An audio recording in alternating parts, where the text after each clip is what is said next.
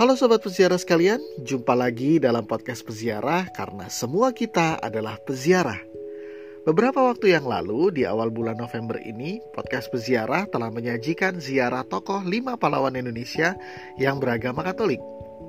Menariknya, mereka berasal dari berbagai pulau di Indonesia. Ada yang dari Maluku, Sulawesi, Kalimantan, Pulau Rote di Nusa Tenggara Timur, yang merupakan pulau paling selatan dari Indonesia, dan juga ada yang dari Pulau Jawa. Masih ingat kelima tokoh yang sudah kita ziarahi bersama? Ya, betul sekali.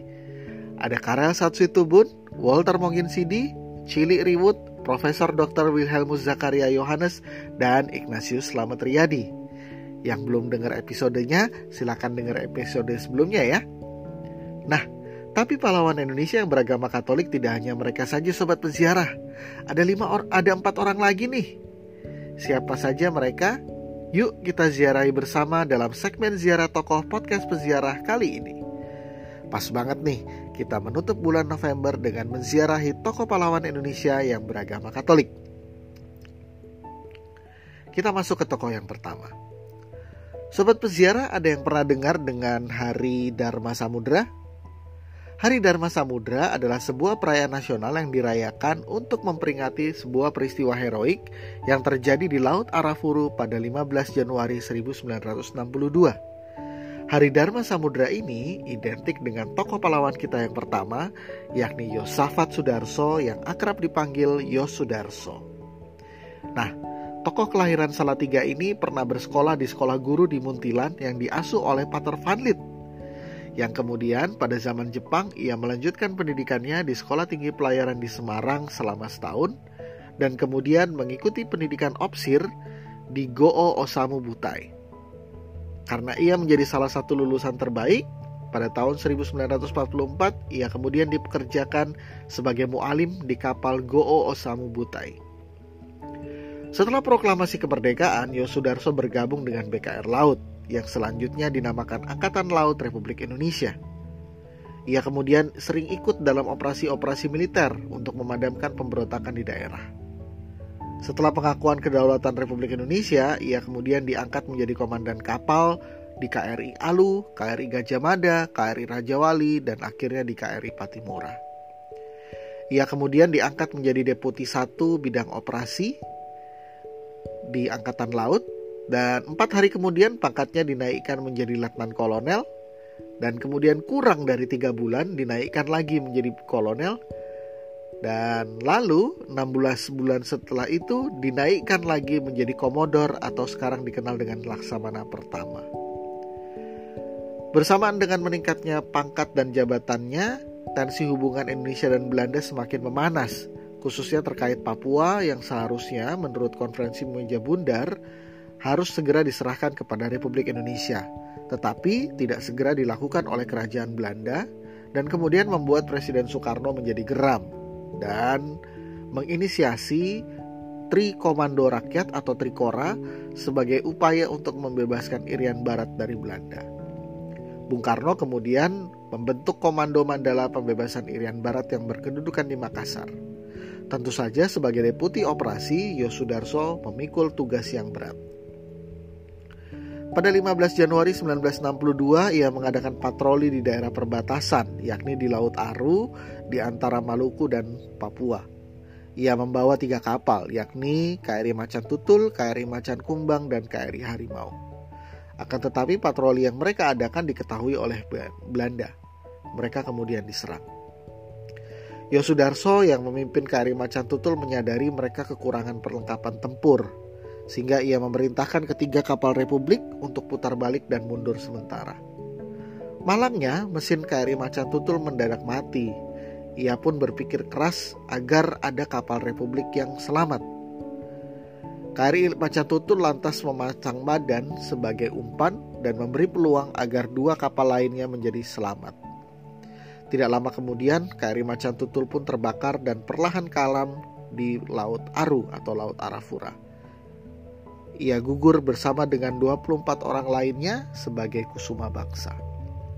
Selain mendapatkan gelar pahlawan nasional dari pemerintah Republik Indonesia, namanya diabadikan sebagai nama salah satu kapal perang Republik Indonesia. nama sebuah pulau di dekat Pulau Papua, nama beberapa jalan di Indonesia, dan juga nama untuk banyak sekolah Katolik di berbagai daerah. Nah, Yosudarso memang seorang penganut Katolik yang taat yang mengabdikan dirinya dan hidupnya untuk Indonesia. Mari kita masuk ke tokoh yang kedua, Ignatius Yosep Kasimo Hendro Wahyono. Ia adalah seorang tokoh pelopor kemerdekaan dan seorang pendiri Partai Katolik. Ia lahir tanggal 10 April tahun 1900 di Yogyakarta. Ia memiliki sebuah teladan yang luar biasa, yakni memberi teladan bahwa berpolitik itu merupakan pengorbanan yang tanpa pamrih. Berpolitik haruslah memakai prinsip yang dipegang teguh. Dan ia adalah tokoh yang menjunjung menjunjung tinggi moto salus populi suprema lex atau kepentingan rakyat, keselamatan rakyat adalah hukum yang tertinggi. Dan moto ini tentu menjadi cermin etika berpolitik yang dijunjung tinggi oleh Kasimo dan selalu dipegangnya dalam setiap tingkah lakunya. Kasimo adalah anak kedua dari sebelas bersaudara yang orang tuanya adalah seorang prajurit keraton Yogyakarta. Ia pun pernah dididik oleh Romo Van Lith di Kolese Savarius Muntilan.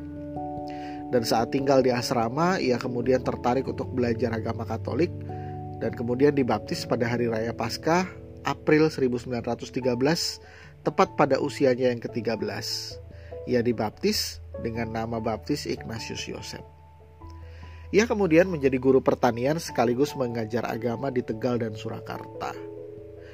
Dan ia menjadi pendiri Partai Katolik Jawi yang kemudian berubah nama menjadi Perkumpulan Politik Katolik di Jawa dan kemudian menjadi Partai Politik Katolik Indonesia atau PPKI yang kemudian menjadi ketua umumnya. Sebagai anggota PPKI, Kasimo kemudian diangkat menjadi anggota Volksrat, semacam Dewan Perwakilan Rakyat di tahun 1931 hingga 1942. Di Dewan Rakyat atau Volksrat ini ia pernah ikut menandatangani petisi Sutarjo yang menginginkan kemerdekaan Hindia Belanda. Pada awal kemerdekaan, PPKI dilarang oleh Jepang eh, dihidupkan kembali atas gagasan Kasimo dan kemudian berubah nama menjadi Partai Katolik Republik Indonesia. Pada tahun 1947 sampai 1949, ia, di, ia duduk menjadi Menteri Muda Kemakmuran dalam Kabinet Amir Syarifuddin, Menteri Persediaan Ke Makanan Rakyat dalam Kabinet Hatta I dan Hatta II. Dalam Kabinet Peralihan atau Kabinet Susanto Tirto Projo, ia juga menjabat sebagai menteri. Ia pun pernah menjabat sebagai anggota delegasi perundingan Republik Indonesia. Pada masa agresi militer kedua, ia bersama menteri lainnya yang tidak ditahan oleh Belanda bergerilya di Jawa Tengah dan Jawa Timur. Dan kemudian ketika bisa kembali ke Jogja, ia memprakarsai kerjasama seluruh partai Katolik di Indonesia untuk bersatu menjadi Partai Katolik. Pada masa Republik Indonesia Serikat, Kasimo duduk menjadi wakil Republik Indonesia. Dan kemudian setelah RIS dilebur, ia menjadi anggota Dewan Perwakilan Rakyat. Dalam kabinet Burhanuddin Harahap, ia menjadi Menteri Perdagangan dan ikut berjuang pula untuk merebut Irian Barat. Kasimo berpendirian menolak gagasan Nasakom yang ditawarkan oleh Bung Karno. Ia juga menolak kabinet yang diprakarsai Bung Karno yang terdiri dari empat partai pemenang pemilu tahun 1955, yakni PNI Masyumi, NU, dan PKI. Ketika itu hanya Masyumi dan Partai Katolik yang menolak bekerja sama dengan PKI di kabinet. Meskipun demikian, penolakannya disampaikan dengan cara yang halus dengan disisipi oleh humor. Pada masa Orde Baru, Kasimo diangkat menjadi anggota Dewan Pertimbangan Agung Republik Indonesia – ia kemudian meninggal pada Jumat Kliwon 1 Agustus 1986 dan kemudian dimakamkan di Taman Makam Pahlawan Kalibata, Jakarta. Karena perjuangannya, Kasimo mendapat anugerah bintang Ordo Gregorius Agung dari Paus Santo Yohanes Paulus II dan diangkat menjadi Satria Komendator Golongan Sipil dari Ordo Gregorius Agung. Sementara oleh pemerintah Indonesia ia diangkat menjadi pahlawan nasional. Mari kita masuk ke tokoh yang ketiga. Sobat peziarah yang berada di Yogyakarta atau pernah di ke Yogyakarta pasti familiar dengan nama ini, Adi Sucipto. Ya, nama dari bandar udara di Yogyakarta yang diabadikan dari nama tokoh kita berikutnya, yang juga adalah salah satu pahlawan Indonesia yang beragama Katolik, yakni Agustinus Adi Sucipto. Adi Sucipto adalah nama yang diberikan oleh orang tuanya dengan harapan ia kelak menjadi seorang yang baik, luhur, dan berguna bagi nusa dan bangsa. Menariknya, setelah itu datanglah kakeknya yang berasal dari Magelang dan merupakan pengikut Pangeran Diponegoro dan memberikan nama Paraban Palgunadi yang diambil dari tokoh pewayangan di mana tokoh tersebut tidak mengikuti perang Baratayuda namun meninggal dengan raga yang moksa Konon, kakeknya meramalkan bahwa Adi Sucipto akan wafat dalam usia muda dan meminta orang tuanya untuk mengikhlaskan jika hal itu terjadi. Adi Sucipto memiliki impian untuk bersekolah di sekolah militer milik Belanda karena menjadi syarat untuk masuk ke sekolah penerbang. Adi Sucipto memang ingin sekali menjadi penerbang. Sayangnya, hal itu bukan sesuatu yang bisa dilakukannya karena setiap siswa untuk masuk ke sekolah militer milik Belanda harus menggunakan sponsor dari kalangan bangsawan atau sederajatnya. Hal ini tentu tidak dimiliki oleh Adi Sucipto. Ia pun kemudian mengurungkan niatnya dan mengikuti keinginan ayahnya untuk masuk ke sekolah kedokteran di Batavia. Beruntung, ia kemudian bertemu dengan Abdul Rahman Saleh, seorang asisten dosen yang kemudian menjadi sahabatnya. Abdul Rahman Saleh ini ternyata orang yang aktif di sebuah klub penerbangan. Hal ini mendorong Adi Sucipto untuk sekali lagi mencoba menggapai impiannya dekat dengan dunia penerbangan. Beruntungnya tahun 1937 di Kalijati Subang dibuka sebuah sekolah penerbangan yang dapat dimasuki oleh rakyat biasa seperti Adi Sucipto. Saking cintanya dengan dunia penerbangan, ia lulus dengan cepat dari sekolah tersebut. Di Kalijati, ia berkenalan dengan Suryadi Suryadharma yang kelak menjadi Kepala Staf Angkatan Udara Republik Indonesia. Pada saat itu, Suryadharma juga mengikuti pendidikan penerbangan militer Angkatan Udara. Persahabatan mereka kemudian berlanjut hingga sama-sama membangun Angkatan Udara Republik Indonesia atau AURI. Dari sinilah dimulai karir Adi Sucipto sebagai penerbang yang sesungguhnya. Tidak hanya mencari ilmu penerbangan saja, perjuangan Adi Sucipto terhadap dunia penerbangan Indonesia membuat dirinya ingin membentuk sekolah penerbangan. Di awal September 1945, ia mendapat panggilan dari Suryadi Dharma yang diberi mandat oleh Presiden Soekarno untuk membentuk AURI.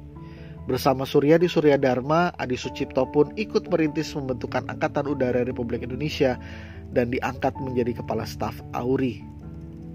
Kala itu, Auri dihadapkan oleh persoalan sumber daya manusia juga peralatan.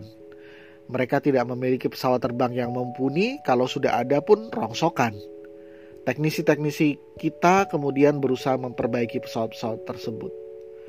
Berbekal pangkalan udara di wilayah Maguwo Harjo hasil rebutan dengan tentara Jepang yang menyerah, Indonesia berhasil mengambil alih lapangan terbang tersebut dengan kurang lebih 50 pesawat yang ada.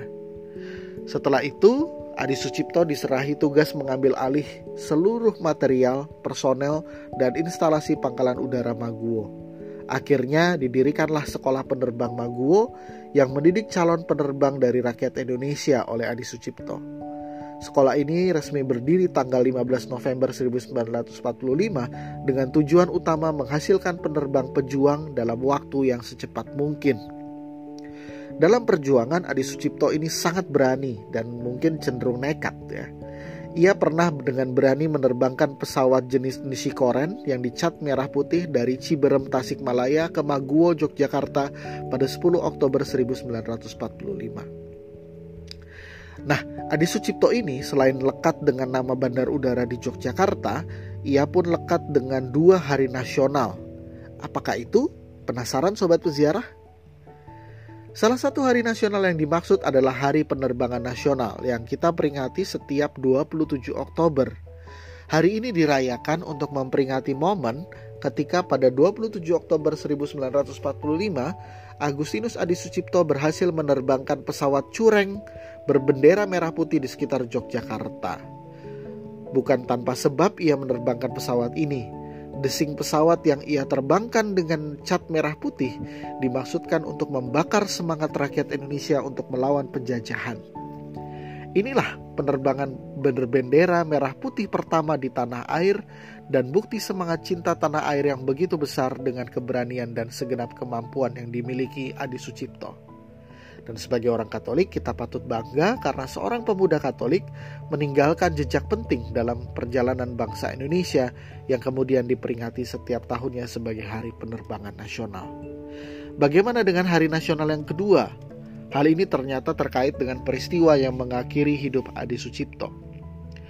Ketika agresi militer Belanda yang pertama, Adi Sucipto dan Abdul Rahman Saleh diperintahkan terbang ke India untuk mengambil sebuah misi kemanusiaan.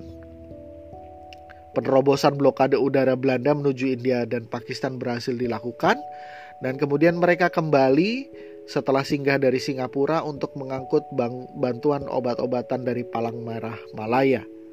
Pesawat ini mengangkut total 9 orang termasuk Adi Sucipto yang terdiri dari peting, beberapa petinggi Angkatan Udara Republik Indonesia, pilot berkebangsaan Australia beserta istrinya, co-pilot berkebangsaan Inggris, juru radio, juru teknik berkebangsaan India, seorang atase perdagangan Republik Indonesia di Malaya dan Singapura, dan seorang sipil lainnya. Pada tanggal 29 Juli 1947, Adi Sucipto kembali berhasil memasuki wilayah udara Indonesia dengan membawa bantuan obat-obatan sumbangan Palang Merah Internasional tersebut.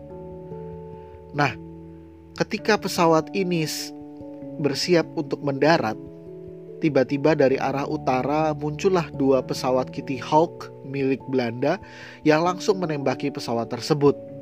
Pesawat Dakota yang adalah pesawat sipil dan tengah membawa bantuan itu kemudian kehilangan ketinggian, melayang kencang dan menyambar sebatang pohon hingga kemudian badannya patah menjadi dua bagian. Pesawat itu kemudian terhempas ke tanah dan langsung terbakar.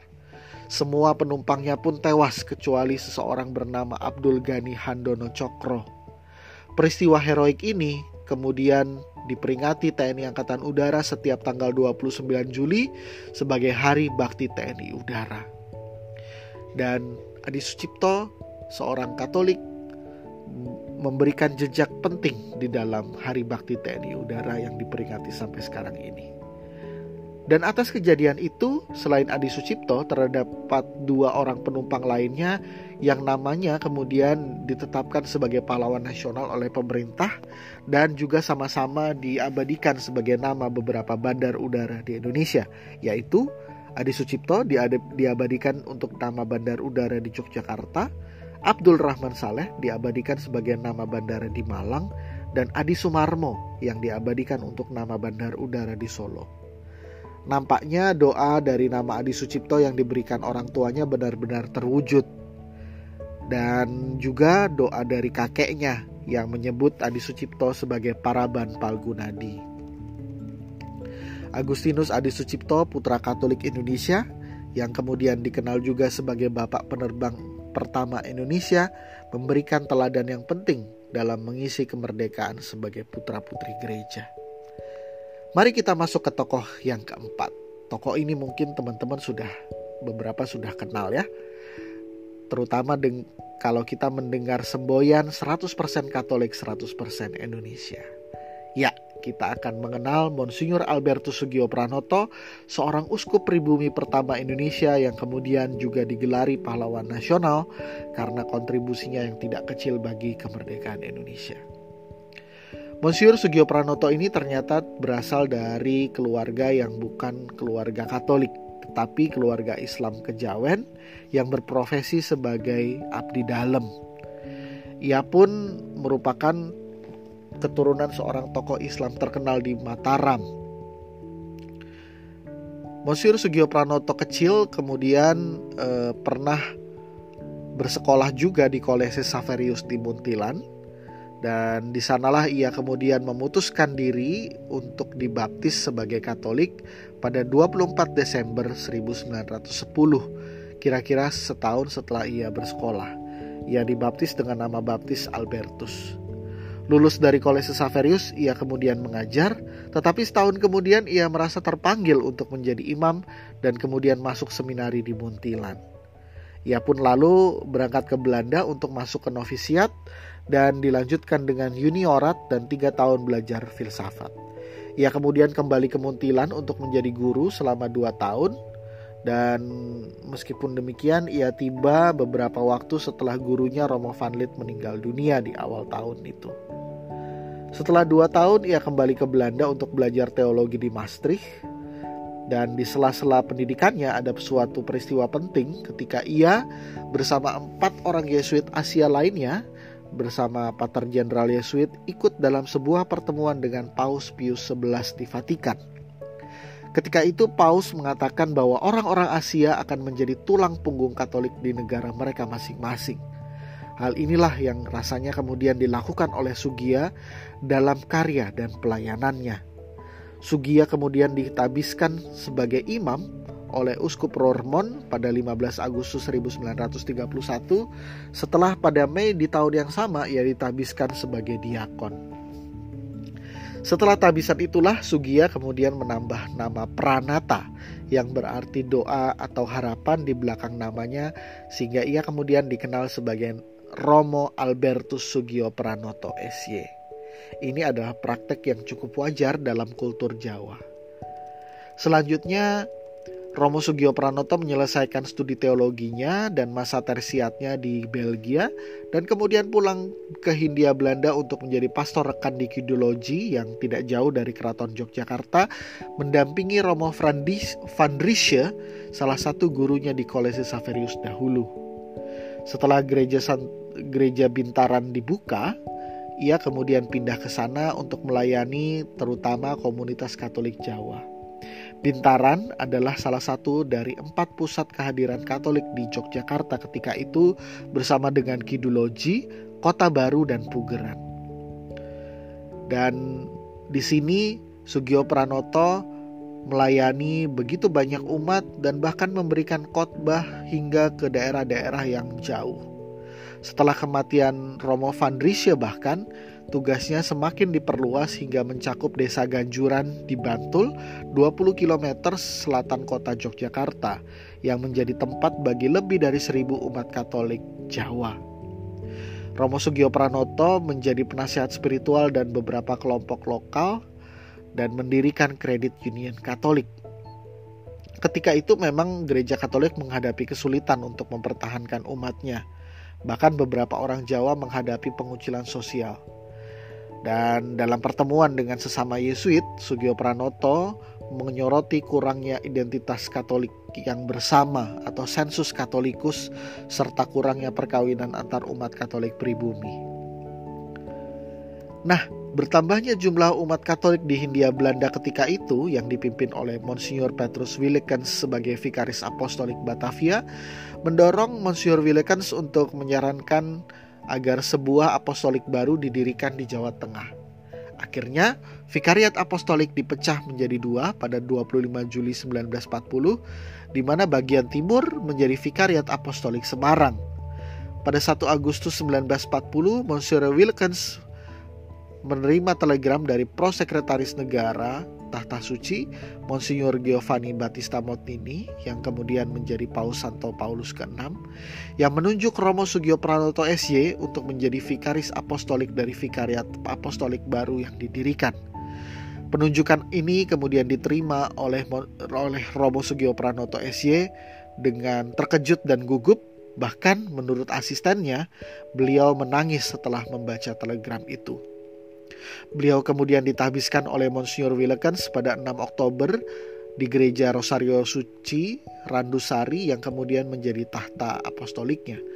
Ia menjadi uskup pribumi Indonesia pertama. Upacara tersebut dihadiri oleh banyak tokoh politik dan sultan, baik dari Batavia, Semarang, Yogyakarta, Surakarta, bahkan para religius dari Malang dan Lampung. Tindakan pertama Sugio Pranoto sebagai vikaris adalah mengeluarkan surat pastoral bersama Monsignor Willekens yang menguraikan latar belakang sejarah yang menyebabkan penyangkatannya, termasuk surat apostolik Paus Benediktus ke-15 yakni Maksimum Ilut yang menyerukan lebih banyak imam lokal dan upaya dari Paus Pius ke-11 dan Paus Pius ke-12 untuk menunjuk lebih banyak pastor dari dan uskup dari kelompok etnis asli seluruh dunia. Sugio Pranoto kemudian juga mulai menyusun hierarki gereja di, di wilayahnya dan mendirikan beberapa paroki baru. Pasca tahbisannya sebagai uskup, Jepang pun masuk ke Indonesia dan Belanda menyerah tanpa syarat. Gereja pun mengalami tantangan baru dalam karya pastoralnya karena Jepang menangkap banyak klerus dan awam Katolik, menyita properti gereja bahkan dana gereja. Monsiur Sugio Pranoto SY berusaha agar Jepang tidak banyak menyita properti milik gereja, tetapi upaya ini tidak selalu tidak selalu berhasil ya. Ketika Jepang berusaha merebut katedral Randusari, Sugio Pranoto menjawab bahwa mereka hanya dapat mengambilnya setelah memenggal kepalanya.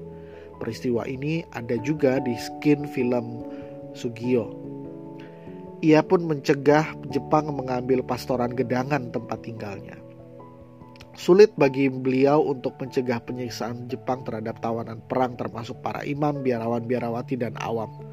Tetapi ia berusaha sebaik mungkin untuk mempergunakan posisinya yang dihormati agar melobi perlakuan yang adil untuk mereka yang ditahan ia juga mengajukan petisi kepada penguasa Jepang untuk membebaskan biarawati dari wajib militer dan mengizinkan mereka bekerja di rumah sakit.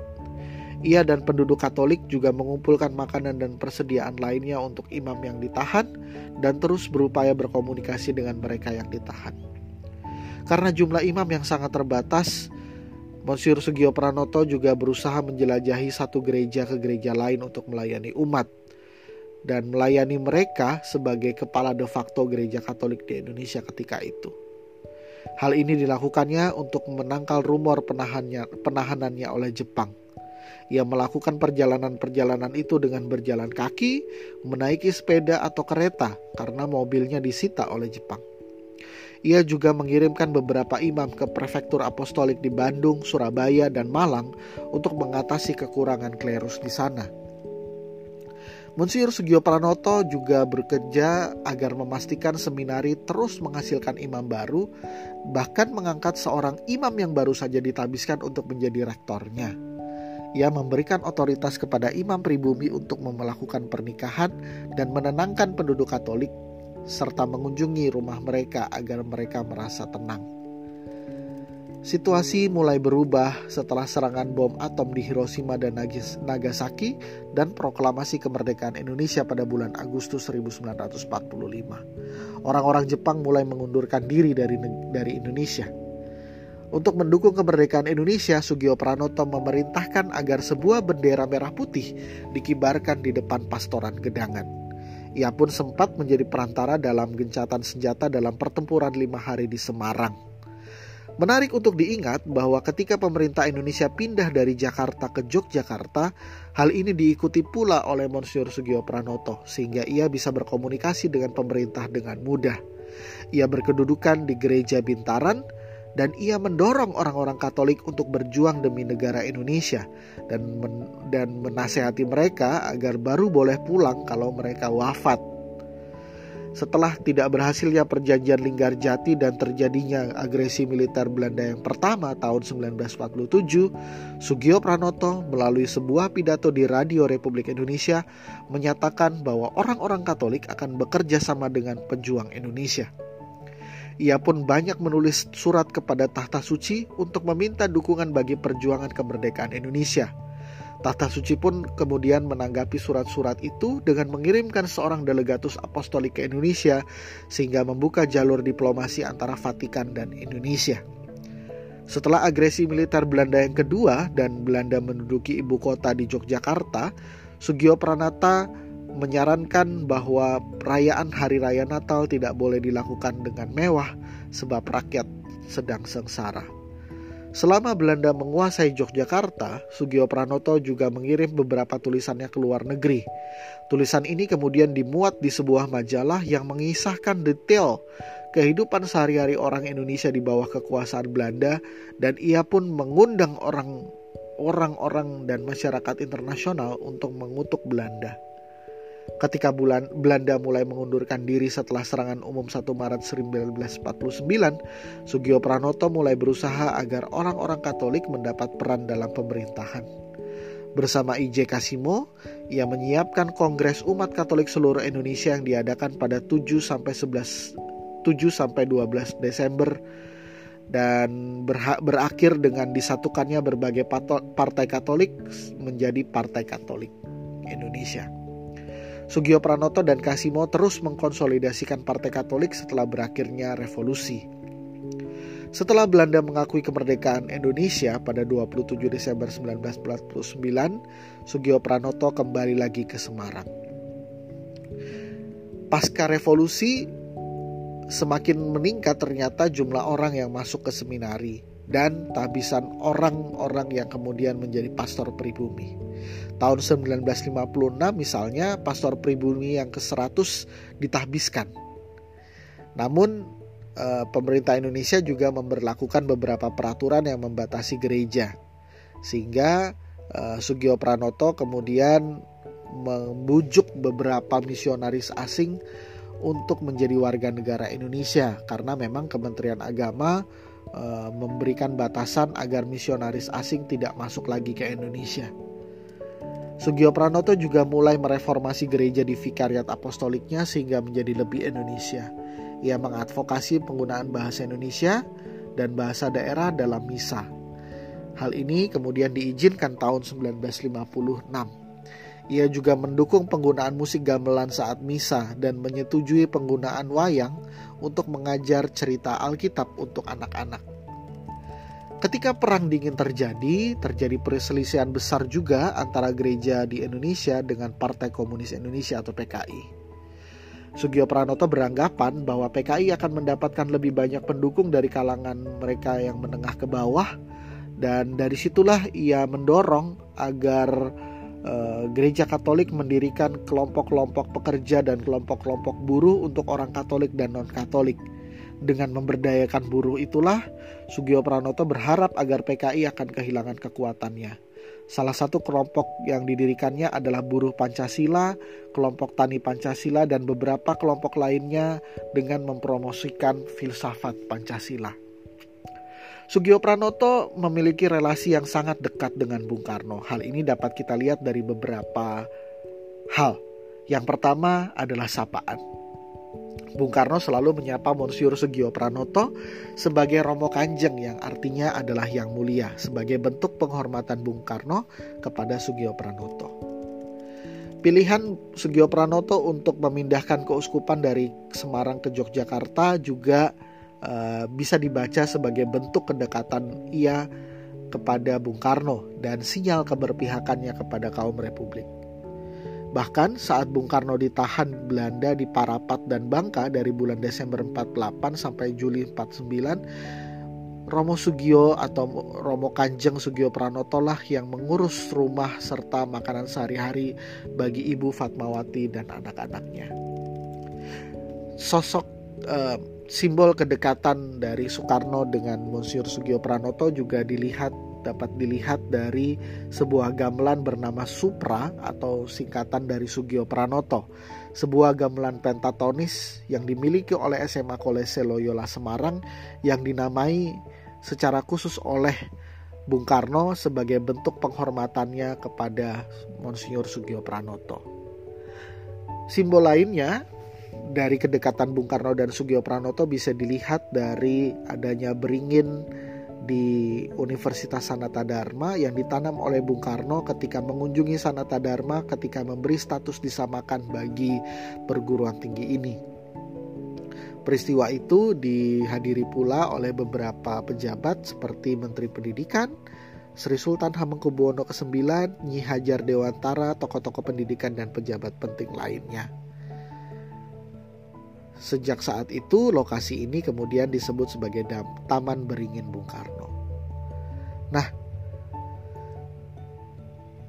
kedekatan antara Bung Karno dengan Monsiur Sugio Pranoto juga bisa kita lihat dari bagaimana Bung Karno mengupayakan agar Monsiur Sugio Pranoto yang ketika itu eh, wafat di luar negeri dalam eh, perjalanan pulang usai mengikuti Konsili Vatikan kedua untuk bisa dimakamkan di Indonesia. Jadi sepulang mengikuti Konsili Vatikan ke kedua di Vatikan, uh, Monsiur Sugio Pranoto rupanya uh, mengalami gangguan kesehatan dan kemudian dirawat di Rumah Sakit Elizabeth di Candi pada tahun 63. Kemudian tahun 63 Monsiur Sugio Pranoto kembali meninggalkan Indonesia dan menuju Eropa untuk menghadiri pemilihan Paus Paulus ke-6 ia pun lalu setelah itu pergi ke Nijmegen di Belanda dan di sana ia justru dirawat di rumah sakit tanggal 29 Juni hingga 6 Juli. Ternyata ia kemudian wafat tanggal 22 Juli tahun 63 di sebuah susteran di desa Steil, Belanda karena mengalami serangan jantung. Karena Soekarno tidak ingin Sugio Pranoto dikebumikan di Belanda, jenazah Sugio Pranoto kemudian diterbangkan ke Indonesia. Kedekatan lainnya juga bisa dilihat dari hadirnya gelar pahlawan nasional yang super ekspres dari Bung Karno bagi Monsiur Sugio Pranoto. Sugio Pranoto dinyatakan sebagai pahlawan nasional Indonesia pada tanggal 26 Juli 1963 saat jenazahnya masih dalam penerbangan ke Indonesia. Dan ketika Sugio Pranoto jenazahnya tiba di Bandara Udara Kemayoran di Jakarta, Jenazahnya kemudian diterbangkan kembali ke Semarang dan kemudian dikebumikan di Taman Makam Pahlawan Giri Tunggal, Semarang. Peran Monsiur Sugio Pranoto juga bisa kita lihat dari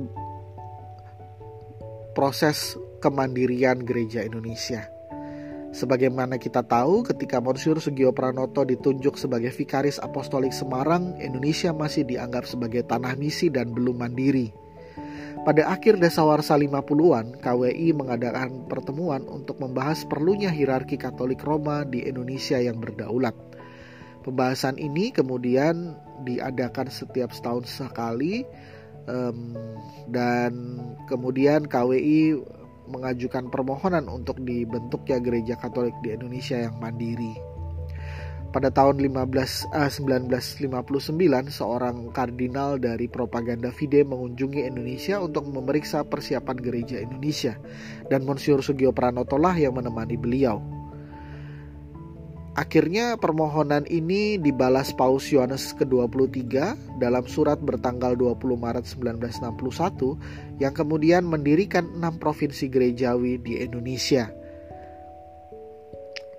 Ketika itu terjadi, Sugio Pranoto ternyata berada di Eropa untuk mengikuti Konsili Vatikan kedua yang mulai dengan sesi persiapan termasuk sebagai anggota Komisi Persiapan Sentral yang di mana ia menjadi salah satu dari enam uskup dan uskup agung dari Asia.